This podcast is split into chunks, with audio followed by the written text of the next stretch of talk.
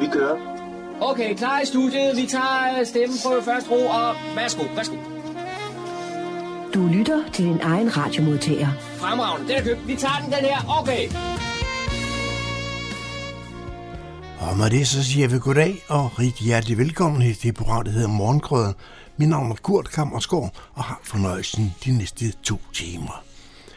Og hvad er det så, vi skal lytte til her den næste par timers tid?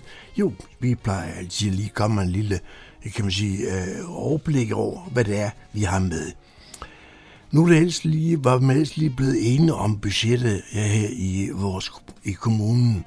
Men nu har man altså været nødt til at lukke den op igen, og for at spare endnu flere penge. Og denne gang det er der gået ud over kulturen.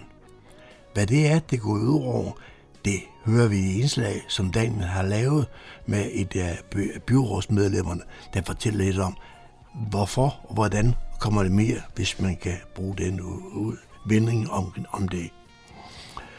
Og så skal vi, John Marco, han er mødt af Peter Heiberg, som er tidligere formand for Fredensborg Hummelbæk Lokalhistorisk Forening. Og det drejer sig om en ny bog, som uh, de er kommet fra netop fra foreningens side af. Og det er en bog, der drejer sig om øh, Fredensborg Slotshave. Og der skal vi høre lidt mere snart med, han fortæller om, hvordan bogen er kommet til, og hvordan den skal måske bruges som en lille håndbog til at, at blive klogere på i forbindelse med, når man går tur op i Slottsparken, så kan man lige slå op og finde ud af, jamen, hvad er nu lige historien om det og det og det.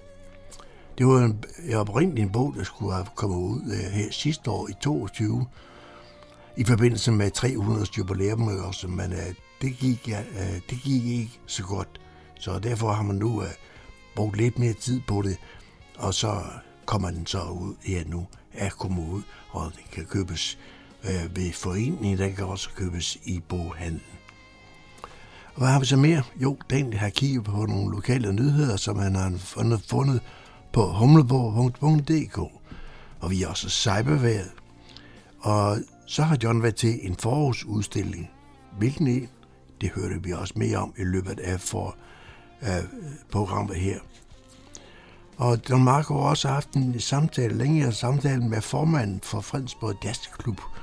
Han hedder Ole Holte, og det var efter den sidste af jazzarrangementen, vi havde nede på, på golfen her i Fredensborg. Men øh, vi skal også høre lidt om fremtiden. Hvad har man i vente i fremtiden af jazzarrangement fra jazzklubbens side af? Det skal Ole Holte fortælle lidt mere om, og det gør han så også i det indslag, vi så også kommer til. Og det er så nogle af hovedpunkterne, og så øh, kommer jeg på, og det er så der, hvor vi skal finde noget musik, og der har jeg igen blandet det hele. Det, der, er, der er noget for den hver smag, er jeg næsten sikker på. Det skal det jo også helst være. Rigtig hjertelig velkommen og god fornøjelse de næste to timer.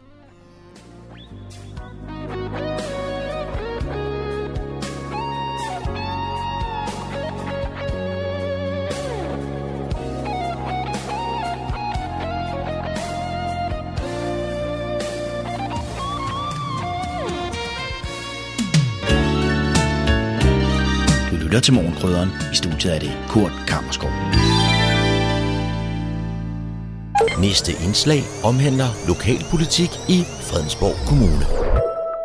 I slutningen af marts, der genåbnede Fredensborg Kommune budgetterne, fordi at man skulle lave nogle øh, nye øh, forlisforhandlinger, og der skulle spares nogle penge, og det var, det var helt tosset. Så, øh, så lavede man det, og så er der kommet konsekvenser, og der er nogen, der, der råber lidt højt om, at øh, nu følger de sig trådt på. Det er en af de øh, store kulturforeninger i kommunen, og øh, vi skal prøve at finde ud af, hvad er hoved og hale i den her sag. Jeg har ringet op til en af de lokale byrådspolitikere, der sidder med ved bordet, når der skal laves forlisforhandlinger osv. Per Frost Henriksen, du er med på telefonen. Velkommen til. Mange tak. Per, kan du sådan lige kort fortælle lidt om, når nu I åbner sådan et øh, budget, der er lavet, og I skal finde nogle nye penge, som der ikke er der, hvordan er processen omkring det? Hvordan finder I ud af, hvor der skal spares? Ja, men det, for, det foregår hen over nogle møder, hvor vi først lige mødes og diskuterer, hvad er det udfordringen er, og så har vi jo fra, øh, da vi lavede budgettet, øh, et, et, et meget udførligt materiale om, hvor der er muligheder for at reducere budgetterne. Og de ligger jo også til grund, når man sådan genåbner i utide, som vi gjorde nu her først på året. Ja. Så, øh, så vi snakker lidt frem og tilbage om, hvor er det lige, vi ligger hen af, og hvor meget skal vi finde, og så øh, ender det med, at der kommer et forslag, udarbejdet af borgmesteren og hans direktion, og så øh, tager vi udgangspunkt i det. Og det gjorde vi også den her gang, da vi øh, genåbnede og, og, og, og fandt nogle penge, som desværre øh, var nødt til på grund af både inflation og krig og corona og alt muligt andet. Øh, så så, så det, det var sådan set en meget god proces. Øh, det er jo aldrig nogensinde godt at, at spare. Øh, det er der aldrig nogen, der roser os for. Men, øh, men jeg synes, vi kom øh, rundt om det og kom i enighed frem til et resultat, som vi kan stå på mål for alle sammen. Og så er der jo så sket det, at øh, en af de her områder, som er blevet ramt af besparelser, det er et øh, teaterhold under øh, teaterforeningen Ravnerok, men i virkeligheden som et hold under ungdomsskolen. Og de har så lavet en underskriftindsamling og har fået en pænt stor opbakning. Havde I set det komme? Ja, det er, det er ikke unormalt, at når der bliver lavet besparelser, så er der øh, sådan set aldrig nogen, der, siger, der skriver til os og siger tak for det. Det var godt, at I sparede på vores område. Der er altid øh, nogen, der kommer og, og, og siger, øh, hvad de mener om det. Og det er meget naturligt, og jeg kan godt forstå Ragnarok. Jeg er også ked af den besparelse, ligesom jeg er ked af de andre besparelser, vi lavede. Øh, der er sådan set ikke nogen, der er værre end andre. Øh, jeg vil, hvis jeg var deres forening, ville jeg også have, have skrevet til byrådet, siger jeg helt sikker på det, og så kommet med de argumenter, jeg nogle gange havde. Vi havde bare en situation, hvor vi skulle spare, og det har vi gjort øh, over en bred kamp, og vi har udvalgt øh, bestemte områder. Det gik ud over et hold, på Ung Fredensborg, som Ragnarok står for. Det har ikke gået ud over Ragnarok som forening. De består stadigvæk og får stadigvæk tilskud, men det ene hold i Ung Fredensborg, det bliver nedlagt, og det er en konsekvens af den sparerunde, der var. Der, der er jo visse steder på de sociale medier, at øh, det nærmest syner af, at øh, nu bliver Ragnarok lukket. Og det er jo ikke rigtigt, eller hvad? Nej, det, det er lige det, jeg siger, det der med, at, at det er et hold øh, i Jungfredensborg, som bliver nedlagt, og øh, foreningens øh, øvrige aktiviteter består, og der er tilskud til dem øh, stadigvæk. Så, øh, så det, det, er en, det er en rigtig dygtig, god forening, og der er mange øh, medlemmer, som har en, et virkelig godt øh, foreningsliv der, og det skal de da endelig blive ved med. Men, øh, men, men de kommer også med i, øh, i, i sparerunden, øh, og det, det, det er selvfølgelig ikke godt for dem. Og, og der er ikke nogen af de besparelser, jeg var med til der, som jeg er lykkelig for. Men jeg er bare øh, med i en byråd, der har en opgave, som øh, skal have økonomien til at hænge sammen, og vi kan ikke bare bruge nogle penge, vi ikke har. Så det er ikke sådan, at I så går tilbage i forligskredsen og så tænker, hm, det var måske ikke helt så godt det her. Nu har vi fået rigtig mange mennesker på, på nakken. Skal vi prøve at, at gøre det om? Øh, det, har jeg ikke hørt nogen sige. Øh, alt kan ske, så jeg skal ikke være den, der øh, bestemmer over, hvad alle andre i byrådet siger. Men, men jeg, jeg mener, der er et, et forlig om, omkring en samlet pakke, og hvis man først tager et element ud, så kommer der nogen og siger, jamen vi vil også det her ud, og vi vil også det her ud, og vi vil også det her ud.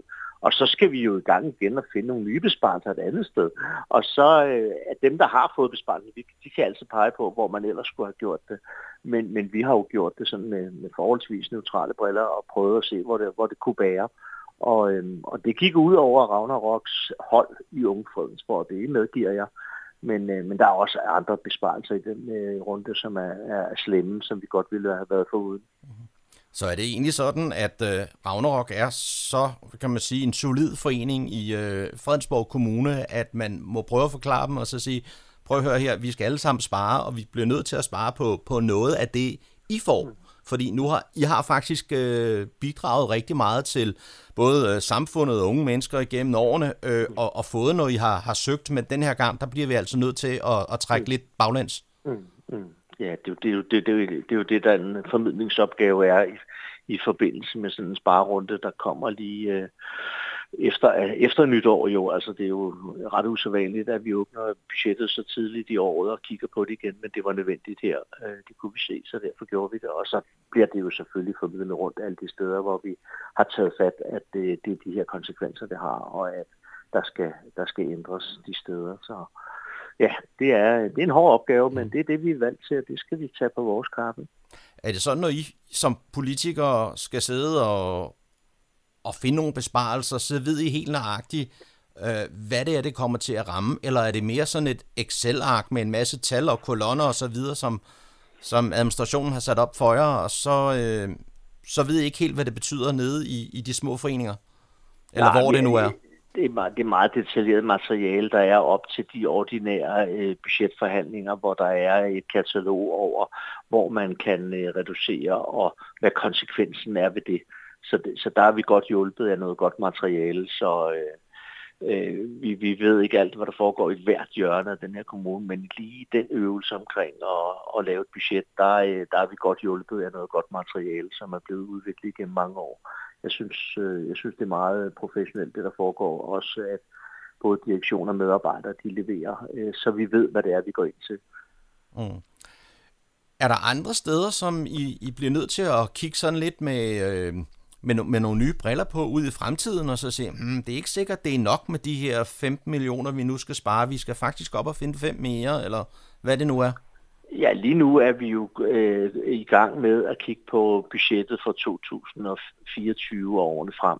Og, øh, og der har vi allerede budgetseminar fredag her i den her uge.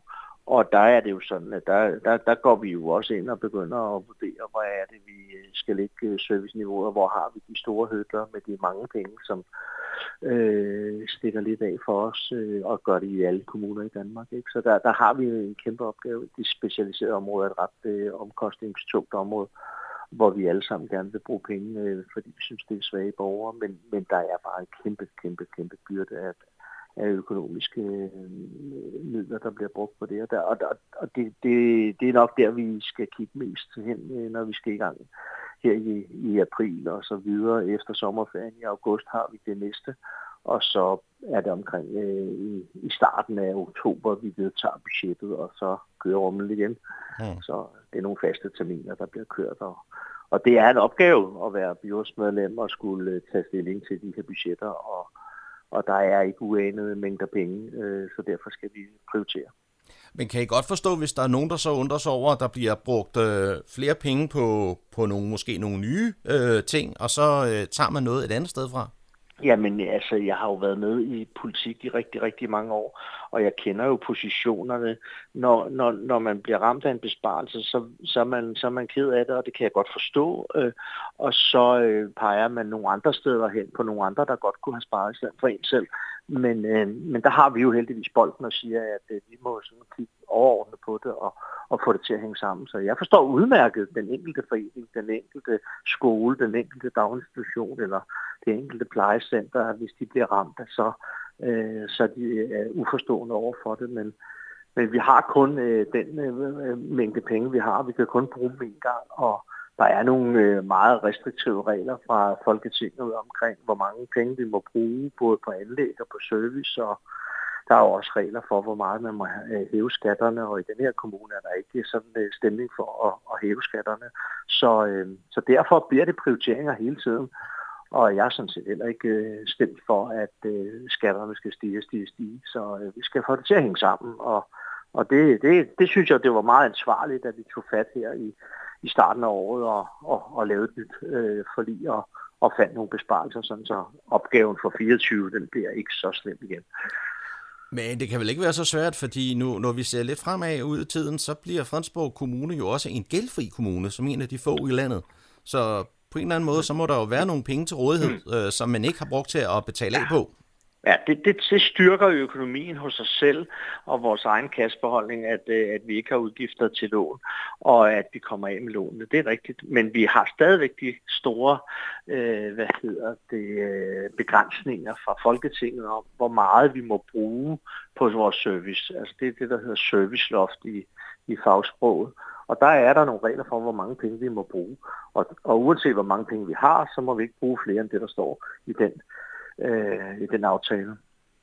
Så det er måske sådan lidt mere et indviklet system, som den almindelige bruger kan have svært ved at øh, se igennem og, og forstå, hvorfor at man skal spare det ene sted, og så er der penge et andet sted.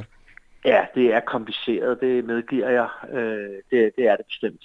Øh, ja, det, det kan jeg ikke sige andet end ja til. Det er kompliceret.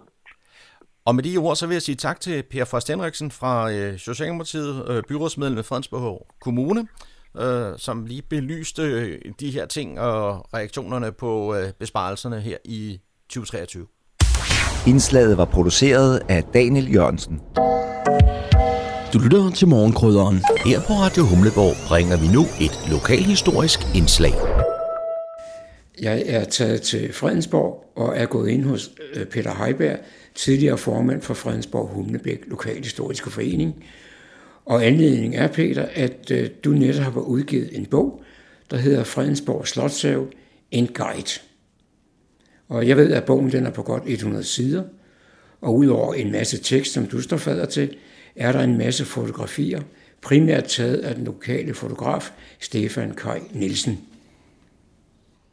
Ja, det er korrekt. Det er en bog, nu siger du, jeg har udgivet. Nej, det er Lokalhistorisk Forening, der har udgivet den.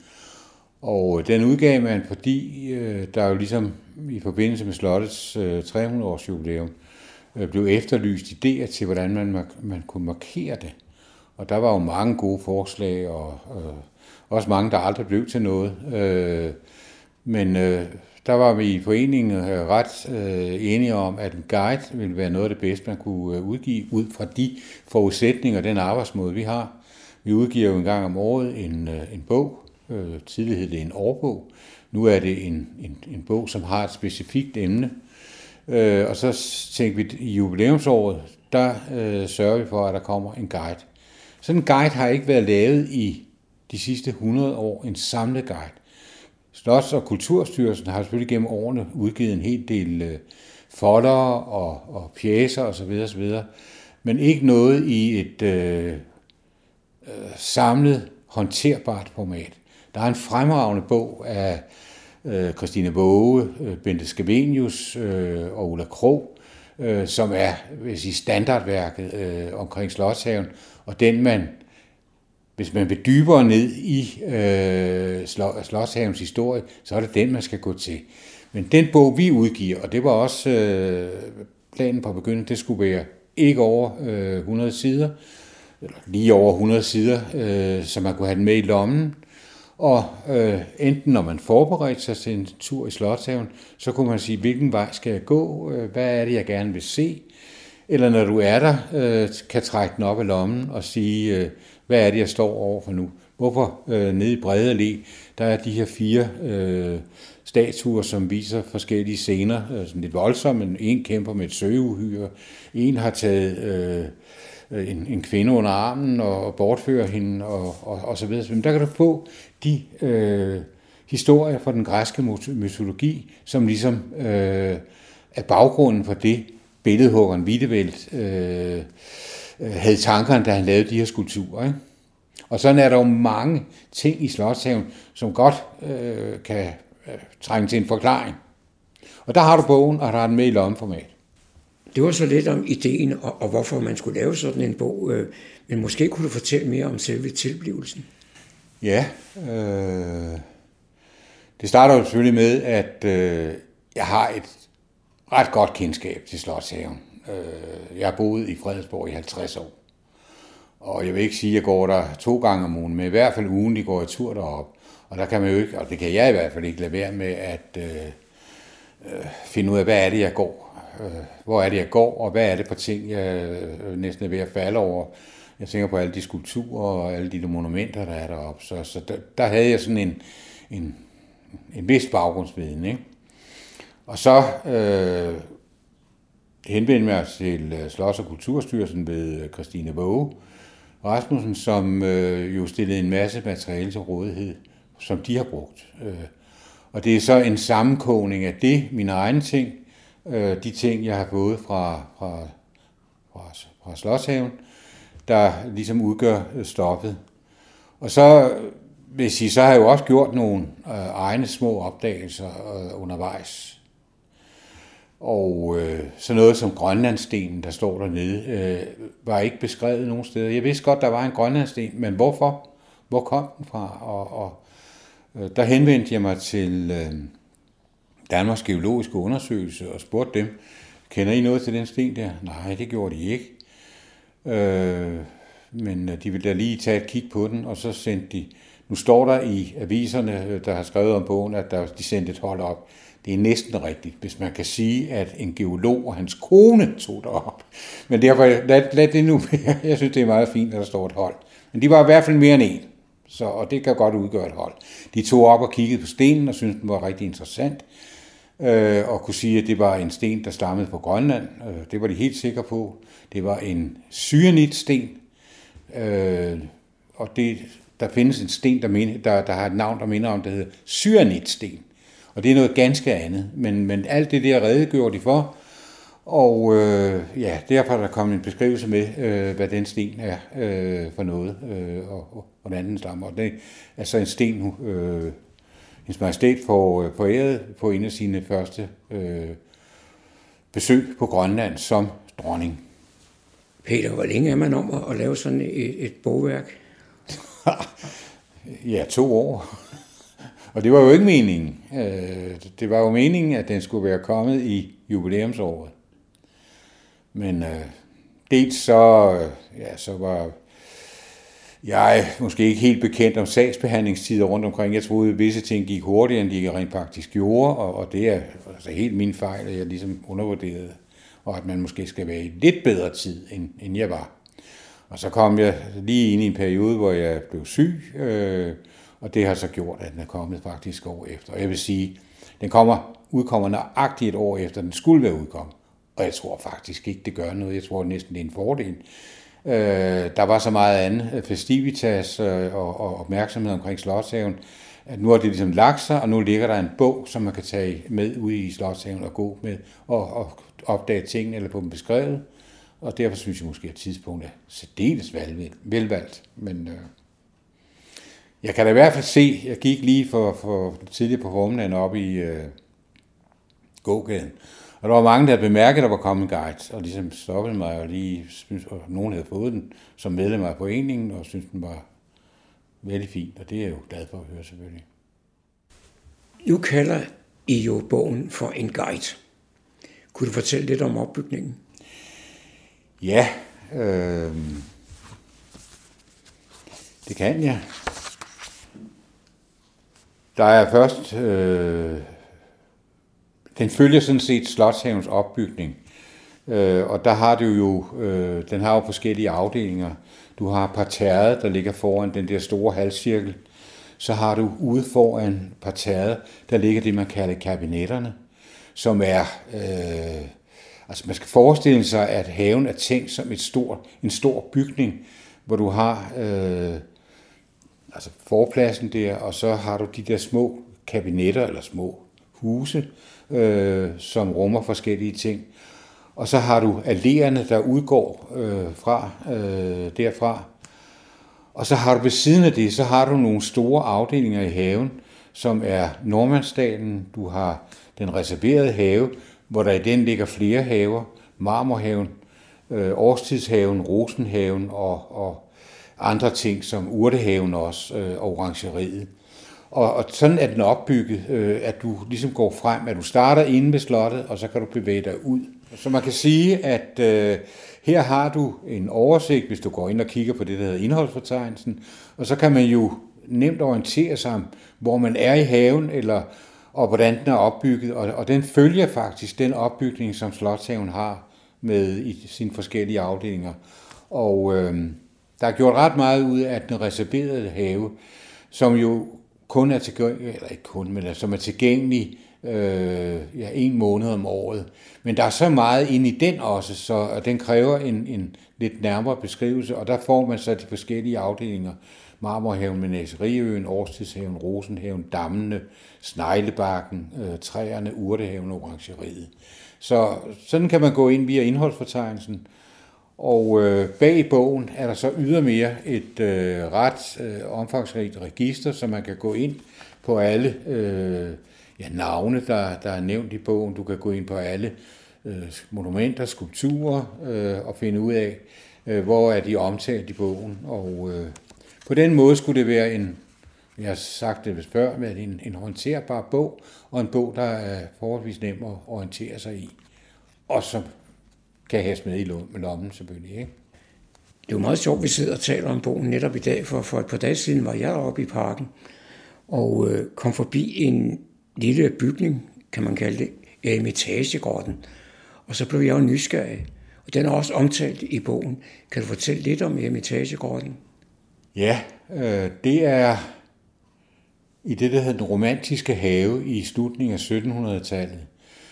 Der har man forskellige bygninger, som man, eller småhuse, som man øh, ligesom giver forskellige navne.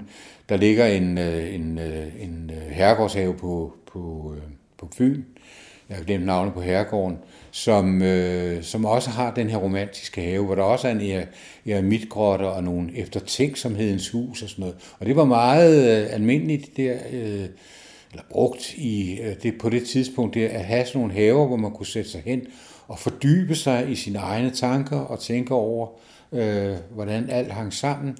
Og eremitgrotten deroppe, der kunne man så i, og eremit betyder at være ensom, øh, at trække sig tilbage i ensomhed. Og det kan man så gøre inde i grotten der. Og det skægge er jo, at der er et andet sted i øh, Slottshaven, hvor man også har eremitage øh, pavilloner. Det er nede ved Kongebroen, og de her øh, bliver kaldt eremitage pavilloner eller tehusene. Og det er jo selve Hermitage pavillonen lå ude i søen. Og det var der, at kongen kunne trække sig tilbage og sidde derude og spise for eksempel middag med en enkelt person og være i en høj ophøjet ensomhed.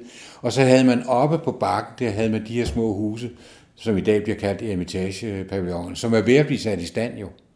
Øh, og det der med Hermitage, eller Hermitage-slottet i, i, øh, ude i Dyrehaven, er jo et slot, hvor man kan være altså, enten i øh, ensomhed, eller med ganske få omkring sig. Og hvis man tænker på, hvordan et hof øh, fungerede på det tidspunkt der, så har man nok haft mange mennesker øh, omkring sig, og haft det behov for at være øh, lidt øh, i tosomhed eller ensomhed. Ikke? Nu har jeg jo kigget lidt i bogen her de, de sidste par dage, og jeg synes, det er en interessant lille øh, sag. Men hvis nu man vil have fat i den, hvad gør man så? Jamen det er, der er flere muligheder. Øh, man kan henvende sig til foreningen via vores hjemmeside, og øh, finde ud af, hvem i bestyrelsen, øh, der bor tættest på en, og så kan man få den øh, hos bestyrelsesmedlemmerne på de 1.500 kroner. Man kan også gå i Fredensborg Boghandel, og der går den faktisk, øh, jeg var lige, inden jeg var øh, til du kom her, der var jeg nede og aflevere 60 eksemplarer, den går som varmt brød. Så altså boghandleren, og så har vi også afleveret den i øh, øh som jo har ret mange turister, og som har det enten som pitstop, når man er, når man er på vej ud i Slottsparken, eller kommer tilbage fra Slottsparken. Og øh, der har vi jo også afleveret, vi har jo lavet et særtryk af kortet, som er i bogen. Det kan man få øh, nede på turistpavillonen, øh, så man bare har det i hånden, hvis man kan nøjes med det. Men jeg vil da stærkt anbefale, at man øh, tager bogen med, fordi den øh, giver mange oplysninger, som ikke er så nemt tilgængelige at, at få bat i. Så øh, der er flere steder. Indslaget var produceret af John Marco. Så er der igen blevet tid til lokale nyheder, kulturinformation og servicemeddelelse. De er alle sammen hentet fra humleborg.dk. I studiet er det Daniel Jørgensen. Forskning på daginstitutionsområdet i Fredensborg Kommune bliver en del af forskningsfestivalen CAPE, der handler om verdensomsorg og klimakrise. Festivalen løber af stablen den 1. til 4. maj i København. Klimaforandringerne og biodiversitetskrisen er et af de største globale problemer, og de kommer til at sætte rammerne for hele den verden, som nutidens børn vokser op i. Derfor bliver målet om at skabe bæredygtighed også en pædagogisk udfordring, men hvordan gribes det an? DPU, Danmarks Institut for Pædagogisk Uddannelse, sætter fokus på udfordringerne til maj som medarrangør af forskningsfestivalen CAPE om verdensomsorg og klimakrise. Børnene lever i en verden, der er under grundlæggende forandring. Det er en udfordring at få den kommende generation til at blive en del af løsningerne, snarere end en del af problemet i forhold til klima, biodiversitet og forurening, fortæller Ditte Winter Lindqvist, der er forsker i udvikling af grøn omstilling i dagtilbud, som et spørgsmål om verdensomsorg.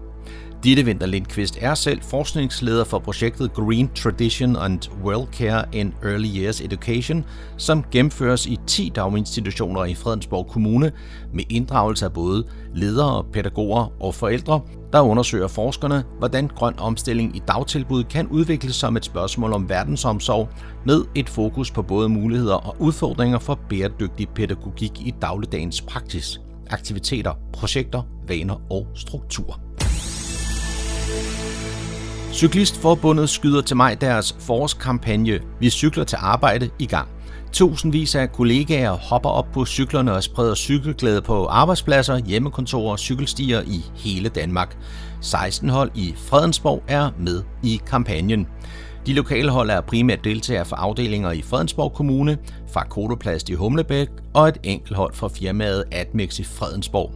Fantasien er stor, når det gælder navngivning af cykelhold.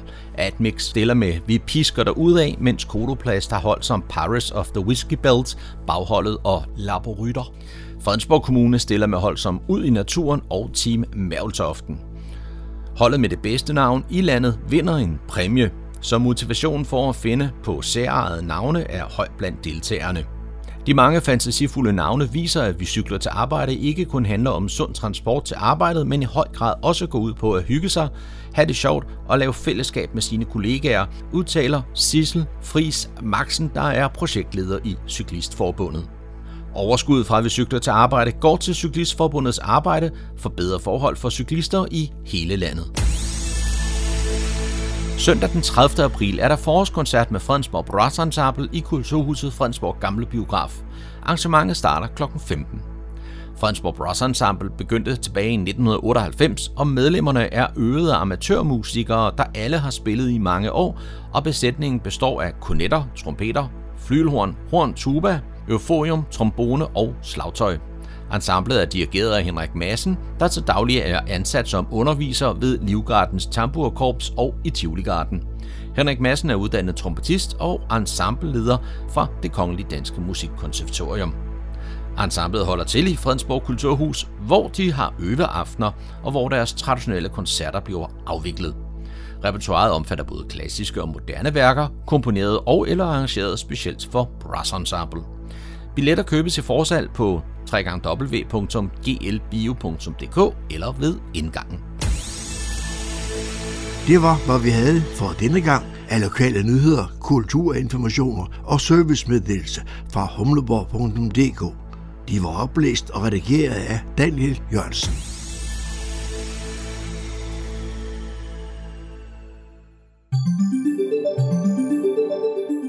Har du også prøvet at blive ringet op af en deepfake?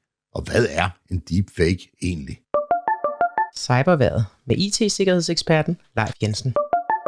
De IT-kriminelle de er ved at tage de første spadestik til at udnytte såkaldte deepfakes til at foretage telefonopkald. Deepfake kan være en computerstemme eller endda en video, hvor man ved at fodre computeren med en lille stum tale fra en person og nogle billeder eller video, kan få computeren til at efterligne denne person. Teknologien er der allerede til at lave deepfake, som kan være rigtig svære at spotte. De har blandt andet været brugt til at lave falske videoer i forbindelse med krigen i Ukraine. Selvom de IT-kriminelle de er dygtige, så er det dog ret simpel teknologi, de selv bruger, når de skal forsøge at narre herre fra Danmark. Ifølge Forbrugerrådet Tænk, så er der på det seneste flere danskere, som har oplevet at blive ringet op af noget, der helt tydeligt lyder som en computerstemme, og for eksempel siger, Hej, jeg ringer fra dit barns skole. Vi har haft nogle problemer med dit barn. Eller, Hej far, hvordan har du det på dit arbejde? Eller, This is a call from Denmark National Police. Har du bare den mindste mistanke om, at der er noget, der ikke helt stemmer, så smid røret på med det samme, og ring eventuelt selv tilbage til skolen eller dit barn. Du kan lige så godt vente dig til det, for du kan være helt sikker på, der kommer meget mere af den her slags, og stemmerne bliver bedre og bedre. Vi hører tit om falske konkurrencer og svindel webshops, som forsøger at udgive sig for at være nogle af de store, velkendte brands. Men det er absolut ikke kun de store, kendte brands, det går ud over. Og forbrugerne skal virkelig holde tungen lige i munden, når de enten handler på en webshop, de ikke har handlet på før, eller ser et spændende tilbud på Facebook, der lyder lidt for godt til at være sandt. Cyberværet har talt med ejeren af niche-webshoppen gadgethuset.dk, som for tiden oplever, at en webshop for nyligt er startet med et navn, der lægger sig meget tæt på. De har blot puttet et ekstra S ind efter gadget, og så valgt et .com-domæne i stedet for, så adressen hedder gadgetshuset.com. Den nye webshop annoncerer med, hvad de kalder verdens sikreste styrthjelm fra producenten Høvding til en meget lav pris, samt kører øh, annoncer på Facebook, hvor de også viser den her lave pris. Producenten af hjelmen Høvding har nu været ude at skrive på deres officielle Facebook-profil, at denne nye webshop anvender deres logo og billeder uden deres tilladelse. Den slags er desværre rigtig svært at komme til livs, så jeg vil give dig tre råd, hvis du møder sådan et tilbud, som lyder for godt til at være sandt. Nummer 1. Tjek butikken på Trustpilot. Nummer 2. Besøg producentens officielle hjemmeside eller Facebook-profil og se, om der eventuelt er advarsler. Nummer 3. Kig efter, om forretningen den har e-mærket. Og husk nu, hvis noget det er for godt til at være sandt, så bør du virkelig have paraderne op. Vi bliver lidt ved de mistænkelige webshops, fordi nu er grillsæsonen startet, og der er rigtig mange, som står og ønsker sig en ny grill. Det kan være, den gamle den er blevet rusten i løbet af vinteren. Det skete faktisk for vores grill, så vi har lige været ude og købe en ny grill her i går. Det var dog ikke på en webshop. Øh, vi tog bilen, og så smed vi den ind bag i. Den kunne lige være der. Nå, men svindlerne, de har altså ingen moralske skrubler, så de sætter gerne webshops op, øh, som er sådan lidt øh, shady, og måske annoncerer lidt på Facebook for et super duper tilbud på en ny grill, der ligesom eksemplet fra tidligere er for godt til at være sandt. Så brug de samme råd, og pas rigtig godt på, når du skal have en ny grill.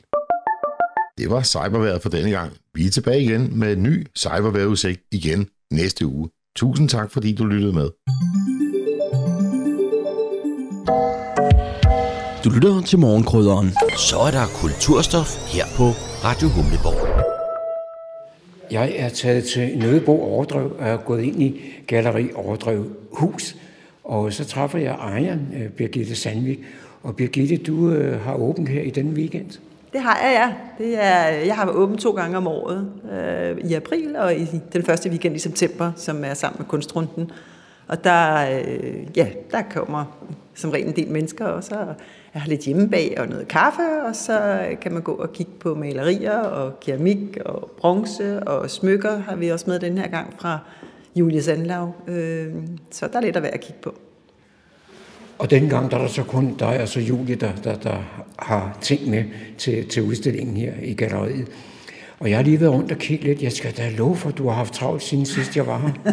det har jeg, ja. Jeg har brugt hele vinteren på at øh, jamen, øh, for det første lave nogle øh, pladeteknikker med ler, hvor jeg har lavet nogle øh, lidt specielle vaser, sådan nogle lidt flade vaser, som øh, ja, det er lavet med, hvor man ruller leret ud, og så laver man en, øh, en øh, hvad hedder det, en, øh, hvad hedder det, en klade af den, hvor man kan vikle leret rundt om, og hvor man så begynder at forme det efterfølgende. Og det er sådan lidt sjov teknik. Og så har jeg støbt nogle øh, skåle også, og det har jeg selv lavet nogle forme til, og så øh, maler jeg dem jo i alle mulige sjove, skønne farver med dyr og mennesker og så videre. Alle de motiver, som jeg normalt bruger i malerierne, dem bruger jeg jo så på keramikken nu. Drejer du også i lær? Nej, jeg drejer det ikke. Det er, øh, jeg laver kun altså støbning eller plade teknik, og så har jeg en, jeg arbejder sammen med, som drejer for mig, og så maler jeg det. Øh, jeg får det, når det er forglødet, og så tager jeg mig resten af brændingerne. Og jeg brænder som regel hver ting to til tre gange, fordi at de forskellige glasurer skal have forskellige temperaturer. Og det kunne tyde som om, at det er en relativt langvarig procedure eller fremgangsmåde. det men, tager lang tid. men der er nogle af de andre teknikker, eller de andre ting, du laver her, nemlig dine bronzeskulpturer, det tager jo endnu længere tid. Det tager endnu længere tid, ja, fordi bronzen, det skal jo støbes. Først så laver jeg dem i sådan en, en hård ostevoks, og så efterfølgende skal de støbes, og til sidst så skal de patineres. Så fra jeg starter med at have en idé til, at jeg egentlig har den færdige skulptur, der går ofte to til tre måneder.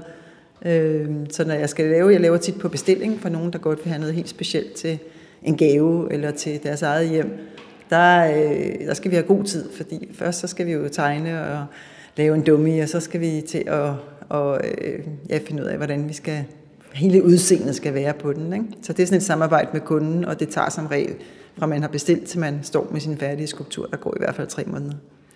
Det, der også kan undre mig lidt, det er jo, at du bevæger dig meget, meget bredt i, i kunsten. Altså, det vil sige, du behersker mange teknikker. Er, er det noget, du har, har gået til, hvis man siger, eller har du lært det, eller har du bare eksperimenteret dig frem? Jeg har eksperimenteret mig frem. Jeg er autodidakt i det hele, men øh, har altid været meget kreativ.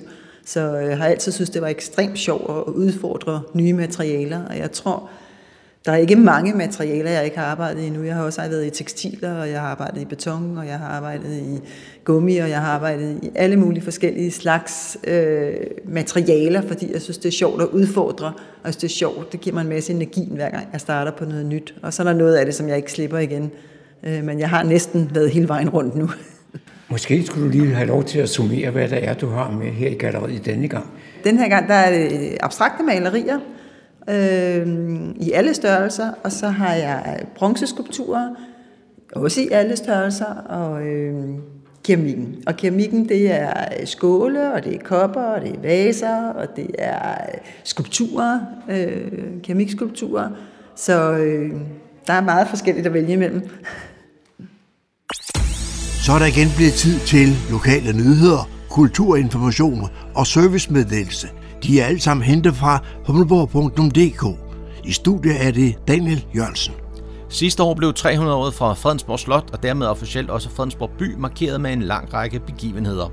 Et af højdepunkterne var uge 3480, Fredensborg Kulturuge, der var arrangeret af Kulturforeningen Fredensborg Smukkest. Udover egne arrangementer som loppemarked, tirsdagsbingo, stand-up comedy og to dages byfest, bød en række af byens kulturbærende institutioner ind med aktiviteter hen over ugen. Så uge 3480 blev en reel kulturuge med aktiviteter for alle byens borgere, ung som gammel. Det har hele tiden været vores håb og ønske, at uge 3480 kan blive en årlig begivenhed, og med den store interesse, der var for samtlige aktiviteter sidste år, er det kun naturligt, at vi gennemfører kulturugen igen i år, udtaler formand for Fredensborg Smukkest, Kurt René Jensen. U 3480 åbner i år den 20. august med et loppemarked og slutter lørdag den 26. august med en kæmpe byfest med aktiviteter og live musik dagen igennem. Traditionen tro afholder Fredensborg Atletikklub også Esrumsø rundt den sidste søndag i august, som dermed bliver en flot finale på Kulturugen. Ind imellem åbningsdagen og byfesten bliver der en række kulturaktiviteter, der enten er arrangeret af Fredensborg Smukkest eller af andre af byens kulturinstitutioner og foreninger. Disse vil blive offentliggjort på sociale medier og på hjemmesiden www.u3480.dk efterhånden som de fatter på plads, fortæller Kurt René Jensen. Socialdemokratiet i Fredensborg-kredsen har på generalforsamling den 13. april genvalgt Louise Minke som partiets folketingskandidat i kredsen. Louise førte en god og ihærdig valgkamp, som sikrede hende en plads som første suppleant til Folketinget, og partiet en flot fremgang i både Fredensborg og Hørsholm. Der var derfor ikke meget betænkningstid i blandt forsamlingen, som med klapsalver og rosende ord ønskede Louise tillykke med genvalget. I et stort parti er der altid plads til flere, og derfor inviteres alle til 1. maj arrangement i byens hus i Kokkedal med start klokken 7. Og her bydes på morgenmad og taler.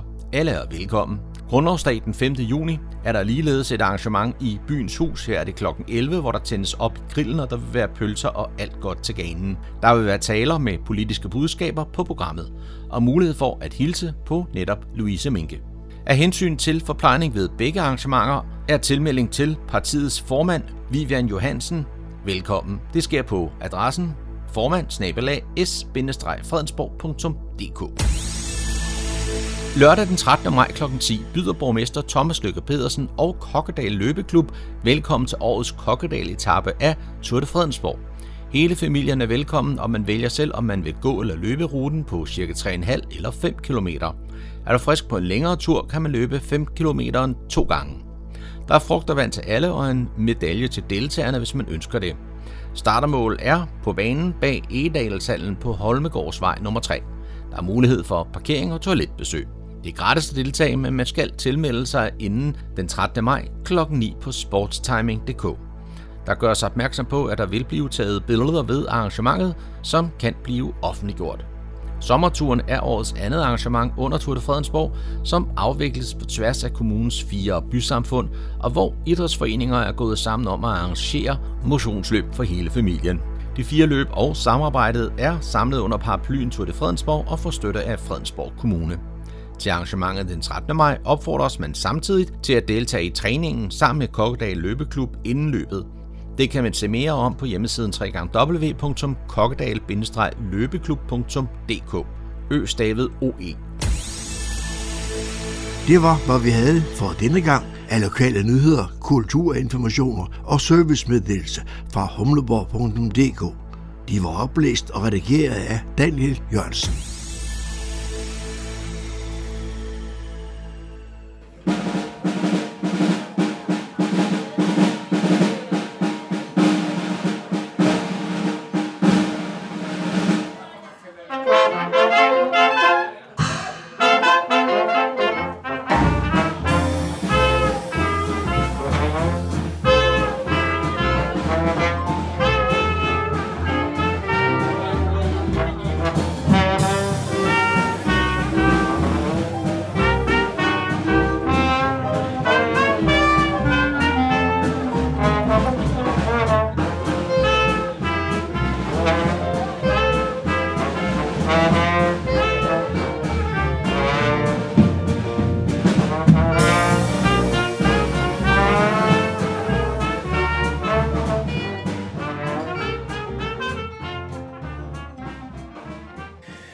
Musikken, vi netop lyttede til, stammer fra Fredensborg Jazzklub, der den 31. marts havde besøg af Finnish Jazzmen.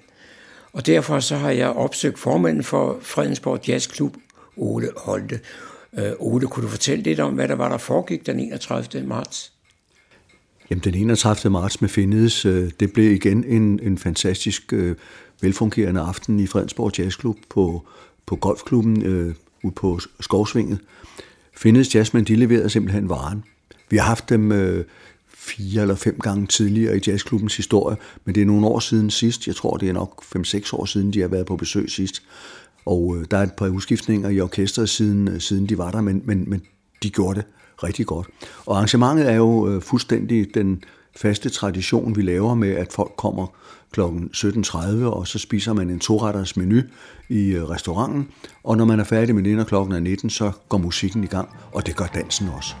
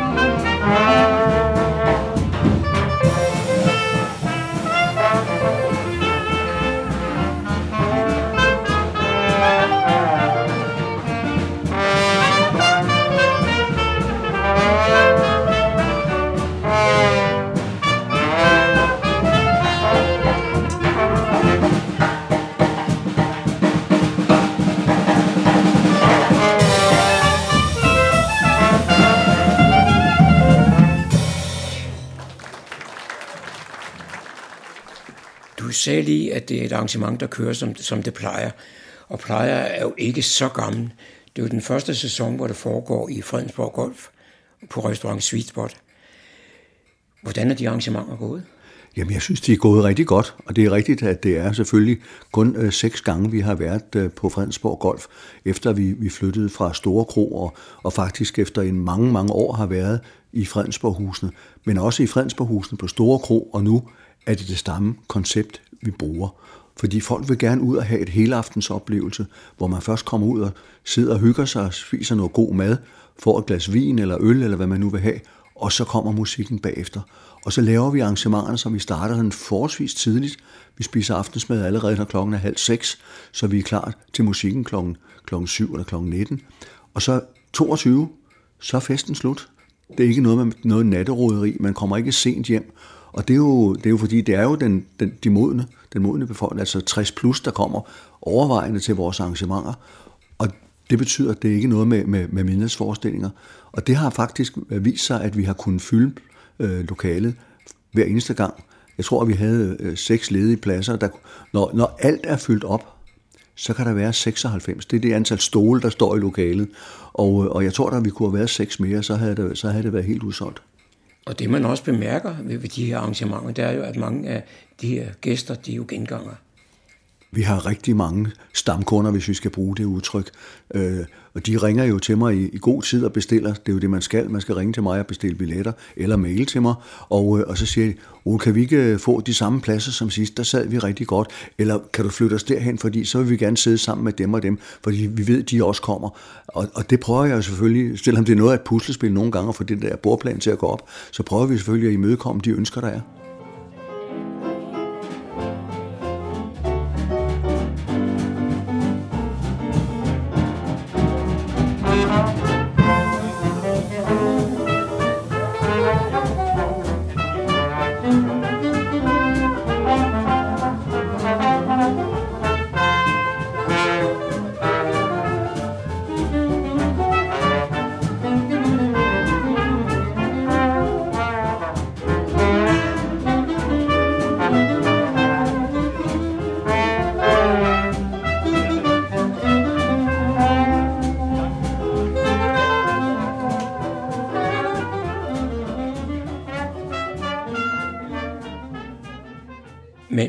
Vil sige, med det du sidder og siger her, så har sæsonen, som netop er afsluttet, den har været optimal. Den har fungeret på alle måder.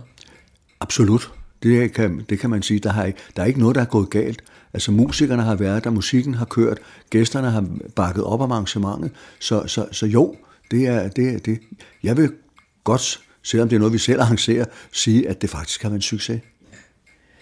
Men øh, det var jo ikke så længe før, vi skal i gang igen. Det vil sige, vi skal lige hen over sommeren, så starter det, der hedder sæson 2023-24. Og jeg ved, at der allerede er planlagt tre arrangementer i efteråret.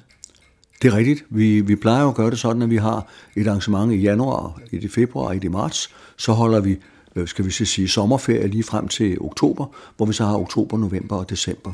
Og så fortsætter det, som du selv siger, igen i, i, efter den terminologi i 24.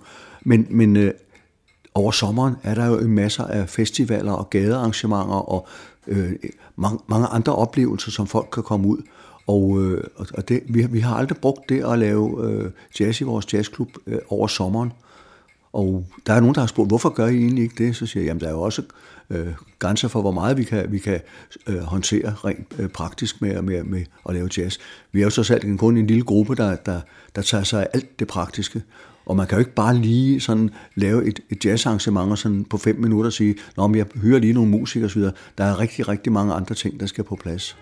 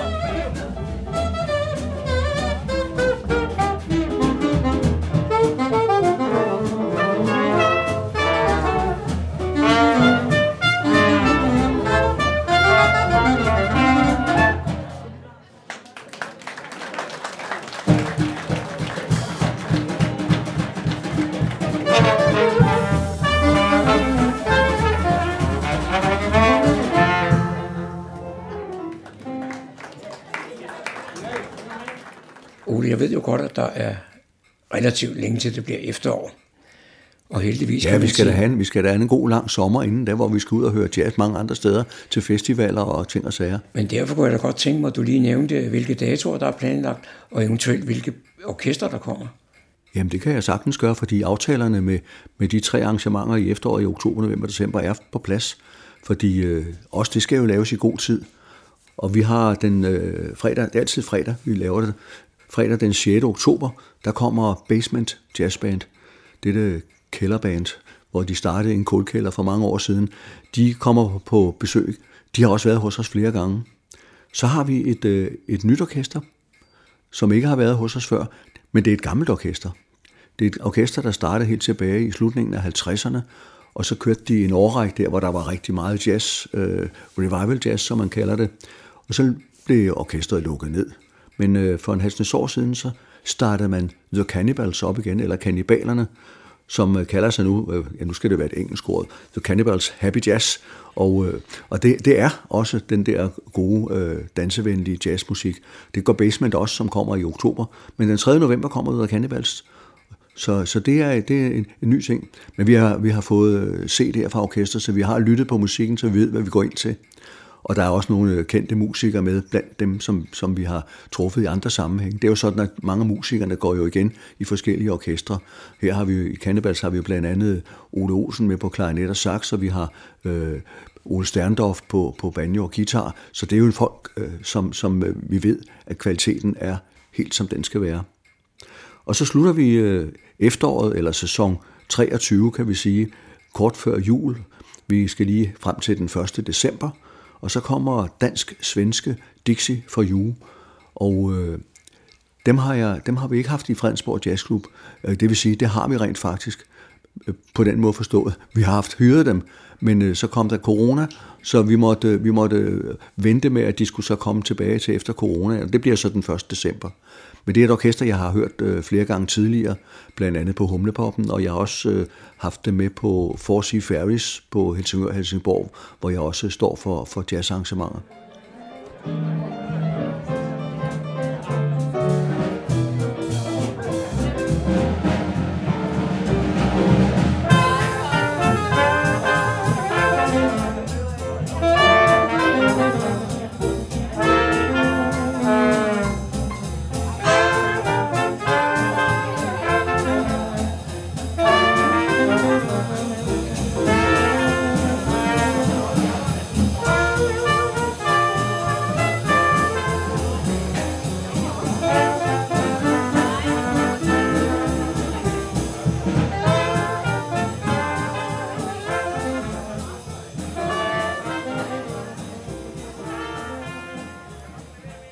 Det du har fortalt her, det er jo rigtig koncentreret, og der er rigtig mange oplysninger i det.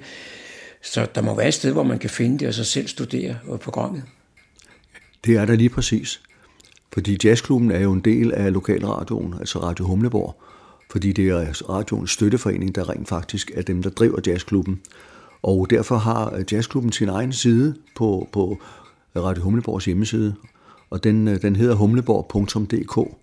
Og hvis man så sætter sådan en skråstreg, og så skriver jazzklubben bagefter, når man går ind i, i browseren, ja, så kommer man direkte ind på, på jazzklubben. Går man bare ind på humleborg.dk, altså på lokalradioens hjemmeside, så øverst er der sådan en bjælke, hvor der står nogle forskellige oplysninger. Der står blandt andet jazzklubben, så klikker man bare der. Og der står både om, hvem der kommer, der står alt det praktiske om, hvordan man bestiller billetter. Der står også, at man kan hente vores lille folder øh, på papir. Den får vi trygt den er ikke kommet ned i Fredensborg boghandel endnu, men der ligger den normalt. Så hvis man er i Fredensborg og siger, at jeg vil godt lige have en, en lille flyer, så jeg kan huske, hvornår det er, jeg skal melde mig til jazzen, så kan man hente den der, og det er ganske gratis. Og nu hvor der er så længe til de her arrangementer starter, er der ingen grund til at, at fortælle, hvordan man booker. Det kan man finde på, på hjemmesiden. Det står på hjemmesiden. Men det kan vi lave noget om, når det nærmer sig. Lige præcis, lige præcis. Men, men alle de informationer er, som du helt rigtigt siger, de er til at se på Humleborgs hjemmeside.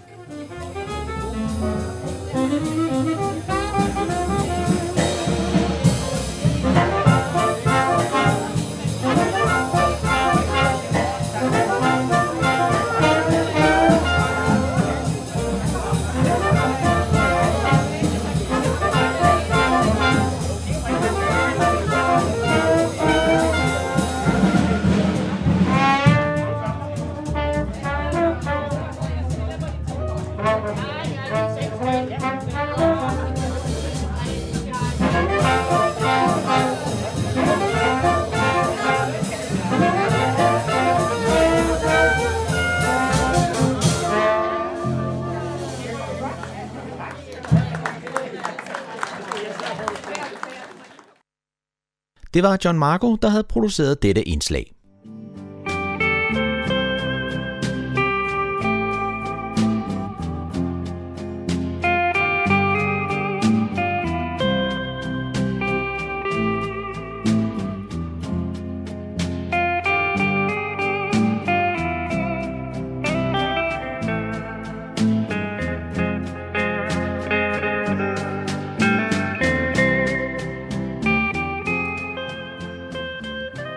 Toner fortæller os, at vi er nået til afslutningen på denne uges udgave af programmet, der hedder Morgenkrøden. Her fra redaktionen, som består af undertegnet, jeg hedder Kurt Kammersgaard. Ja, der siger jeg tak for nu, og på genhør en anden god gang.